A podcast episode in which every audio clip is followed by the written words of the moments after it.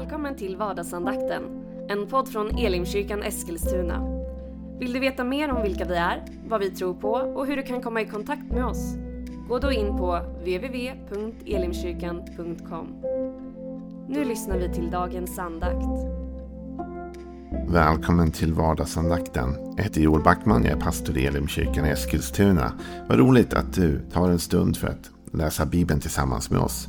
Vi har sett den sista tiden en ökning av lyssnare och det är jätteroligt. Från toppen till botten av Sverige och även utomlands har vi folk som är med och lyssnar. Och det glädjer oss väldigt mycket. Så kul att du är med. Hör gärna av dig om du har synpunkter eller tankar eller bara något förslag kanske på vad du vill att vi talar om. Vi håller på just nu med den andliga vapenrustningen. Som är en rustning som beskrivs av Paulus som vi ska ha att försvara oss med mot den ondes lömska angrepp, djävulens lömska angrepp som man kallar det. Vi ska kunna stå emot de här attackerna som inte är egentligen mänskliga. Paulus är väldigt noga med här att inte måla upp någon krigssnack eh, eh eller krigsretorik. Utan det han talar om är en kamp emot osynliga krafter, inte synliga, inte människor. Han säger upprepade gånger, det är inte mot kött och blod som vi slåss utan mot andemakter och krafter, mot härskarna i himlarymderna. Det här är alltså andlig kamp som han talar om. Och därför är också de vapen som han talar om eller refererar till av väldigt eh, andlig karaktär kan man säga. Det handlar inte om pistoler, vapen, påkar, svärd, utan det handlar om helt andra saker. Igår så talade vi bland annat om att ha sanningen som grund. Att ha sanningen som bälte. Men vi läser de här vapendelarna nu så ska vi tala om ett nytt område idag. Efesierbrevet kapitel 6, vers 14. Stå alltså fasta med sanningen som bälte runt höfterna och klädda i rättfärdighetens pansar. Bär som skor på era fötter den beredskap som fridens evangelium ger. Ta dessutom trons sköld, med den kan ni släcka den ondes alla brinnande pilar. Ta emot frälsningens hjälm och andens svärd som är Guds ord. Gör detta under ständig bön och åkallan och be alltid i anden. Var därför vakna och håll ut i bön för alla de heliga och så vidare. När Paulus har talat om att sanningen är det som håller ihop alltihopa. Bältet som knyts och som om man tar av det så kommer resten av rustningen falla sönder. Sanningen är grunden, grundbulten. Så börjar han tala om rättfärdighetens pansar. Och det är inte detsamma som frälsningens hjälm, vilket vi kommer till sen. Så när Paulus talar här om rättfärdighet så talar han inte nödvändigtvis om frälsningen i sig. För den kommer han till sen när han talar om frälsningens hjälm. Utan här talar han om rättfärdighetens pansar. Och det finns en andlig aspekt av det. Att vi har blivit rättfärdiggjorda av tro. Genom nåd. Eller genom tron men av nåden då. Men här talas det om någonting annat också tror jag. Vilket handlar om att göra rätt. Att göra rätt och leva rättfärdigt i den meningen är ett skydd. Vet du att ibland tänker vi att jag måste göra rätt för att bli räddad, för att bli frälst. Vi blir bara frälsta på grund av Jesus Kristus och det offer han har gjort för oss. Du kan inte, ens om du skulle göra 99,9% rätt en dag, kan du inte själv uppnå den rättfärdighet som leder till frälsning. Faktum är att Paulus säger att klart är att ingen blir rättfärdig genom laggärningar. Och han talar faktiskt om att även om man skulle hålla alla bud i lagen men missa ett så har man brutit mot hela lagen. Så det här handlar inte om nödvändigtvis en rättfärdighet som leder till frälsning. För det är bara genom Jesus Kristus som du och jag uppnår den rättfärdigheten när vi tar emot den från honom. Men det finns en annan sorts rättfärdighetens pansar tror jag också. Som handlar om att genom att göra det som är rätt så bevarar och beskyddar vi vårt liv. Alltså, att inte cut corners, inte fuska, inte använda mutor, inte göra saker som är etiskt tvivelaktiga eller vi vet av rent av är, är fel. Det räddar vårt liv. För det är ofta så att när vi väl börjar släppa till lite grann så öppnas en lucka i vårt skydd. Rättfärdighetens pansar den skyddar ju bröstet, skyddar hjärtat, skyddar det här viktiga. Va? Och att välja att göra det rätta är ett skydd.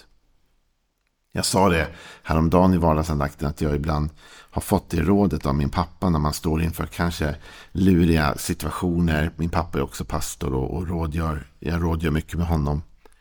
Och så har han gett mig det rådet ibland inför svåra samtalssituationer att vara korrekt. Gör det som är rätt, var korrekt. Och jag tänker ibland att det är samma här. Att ta på sig rättfärdighetens pansar en dag är också att välja att leva korrekt. Och inte för att uppnå frälsningen, för den kan bara komma genom Jesus. Men för att skydda mitt eget liv. Därför att när jag börjar att fuska, när jag börjar att, att liksom deala med min egen etik, min egen moral, när jag börjar pusha gränserna lite grann, sakta men säkert, när jag öppnar upp mig själv för tvivelaktigt beteende på olika områden, så gör jag mig själv sårbar. Jag öppnar upp för att bli attackerad. Jag menar, om jag gör någonting som är fel på mitt jobb. Jag bryter mot en regel som man inte får bryta mot, vad det nu kan vara.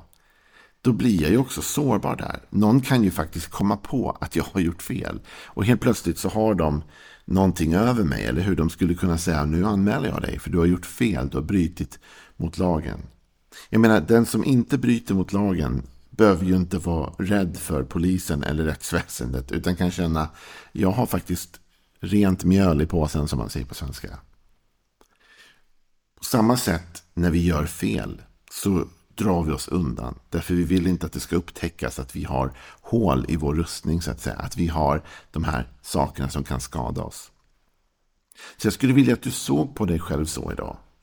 Att genom att vara korrekt, genom att välja det som är sant och det som är riktigt och att hålla på det som är okej, okay, liksom, så att säga. Genom att göra det så bevarar du ditt eget liv. Det blir ett skydd, ett pansar över ditt liv. Folk kan inte komma och säga ja, det och det om dig. Och även om de anklagar dig för saker, om du har gjort rätt så har du sanningen på din sida. Du har rättfärdighetens pansar på och du kan säga nej men det där är inte sant som du säger. Jag har inte gjort det och jag kan visa det av olika, på olika sätt. Alltså det är viktigt detta med rättfärdighet. Att leva ett rätt liv. Ja, men om jag inte har gjort det då? Ja, det finns nåd. Och du behöver inte vara orolig för din frälsning. Om du har tagit emot Jesus som din frälsare så är du frälst. Du är på väg till himmelen. Men du kan underlätta ditt eget liv genom att ändå tänka dig för hur du lever. Det står så här till exempel i femte Moseboks sjätte eh, kapitel och artonde vers. Du ska göra det som är rätt och gott i Herrens ögon så att det går väl för dig och du får komma in och ta i besittning det goda land som Herren med ed har lovat dina fäder. Han ska driva bort alla dina fiender för dig så som Herren har lovat. Är det inte lite intressant detta? Att här talas det om att göra det som är rätt och gott i Herrens ögon. Varför? Bara så att Gud blir nöjd med dig eller så att du uppnår någon typ av fromhet eller så att allting känns bra. Här säger Gud, till och med i det gamla förbundet som var lite annorlunda uppbyggt ju än det nya. Så säger Gud, du ska göra det som är rätt och gott i Herrens ögon så att det går väl för dig. Och då får du komma in och ta i besittning det här landet då. Det goda. Du vet, när du och jag väljer att göra rätt så går det väl för oss. När vi väljer att ta på rättfärdighetens pansar på morgonen. När vi väljer att vakna och säga idag vill jag leva korrekt och riktigt. Och vet du, det krävs mycket mod för det. Det krävs mycket mod att våga säga idag vill jag fatta rätt beslut.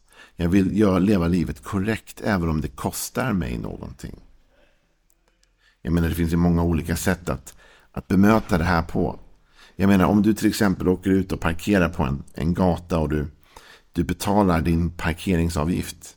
Då behöver du inte vara orolig när du sen går in och äter lunch eller när du gör någonting annat. Du vet att om det kommer en vakt och kollar så är det lugnt. Jag har betalt min avgift, jag kommer inte behöva betala böter, jag är inte sårbar, jag är skyddad.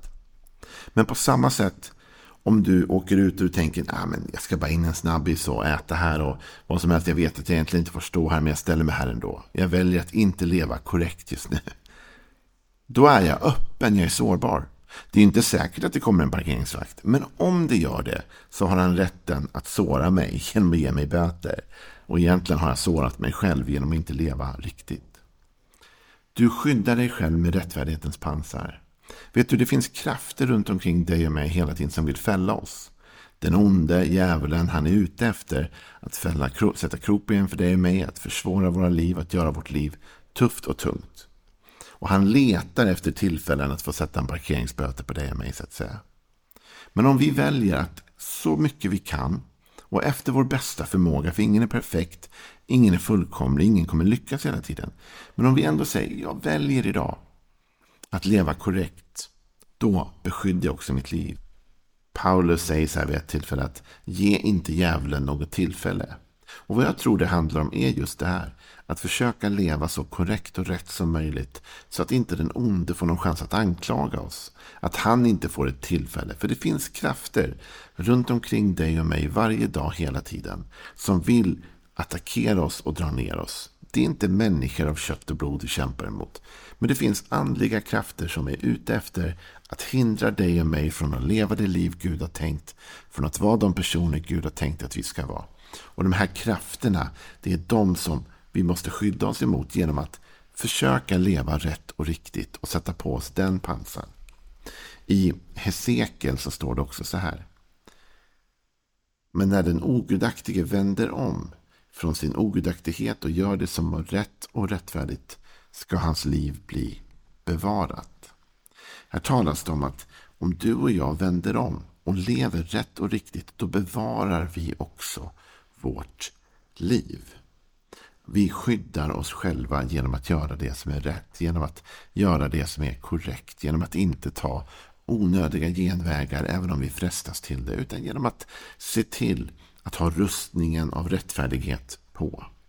Som jag har sagt flera gånger, det här handlar inte om att komma till himmelen främst. Det här handlar inte om att bli frälst, för frälsningens hjälm det är en senare grej vi kommer till. Det här handlar om att leva livet på ett sätt så att jag skyddar mig själv. Och jag kommer behöva hjälp av Gud med detta. Jag kommer inte klara detta själv. Men jag kan vakna på morgonen och jag kan säga till Gud, Gud hjälp mig att idag fatta rätt beslut. Hjälp mig att idag leva rätt och riktigt och korrekt. Så att jag inte tar några genvägar, inte fifflar eller far med osanning eller försöker hitta på egna vägar här. Utan hjälp mig att leva rättfärdigt. Så att jag bevarar mitt eget liv och beskyddar mig själv från de här attackerna som hela tiden kommer emot mig. Men jag lever så riktigt som jag kan idag. Jag väljer det valet liksom. Och det är inte alltid rätt. Eller lätt menar jag. Det är alltid rätt men det är inte alltid lätt.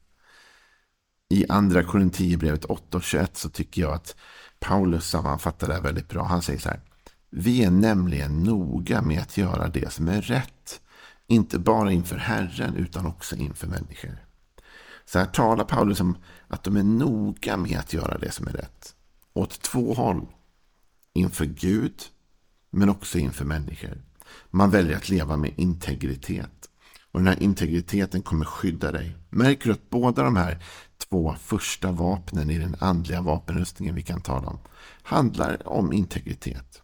Det handlar om att leva sanningsenligt. Att sanningen skyddar dig och mig.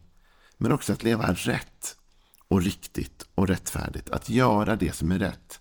Att inte ta genvägar, inte fuska, inte fara med osanning, inte öppna upp sig själv för straffet, inte parkera olov, olovligt så att man riskerar en böter. Och det är bara en bild, men jag tror att du förstår med den bilden vad jag menar.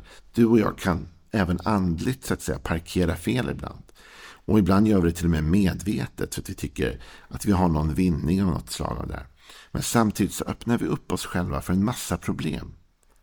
Och jag tror att Gud vill att du ska vara beskyddad och bevarad från det. Så det här är den andra delen av den vapenrustning som du och jag har.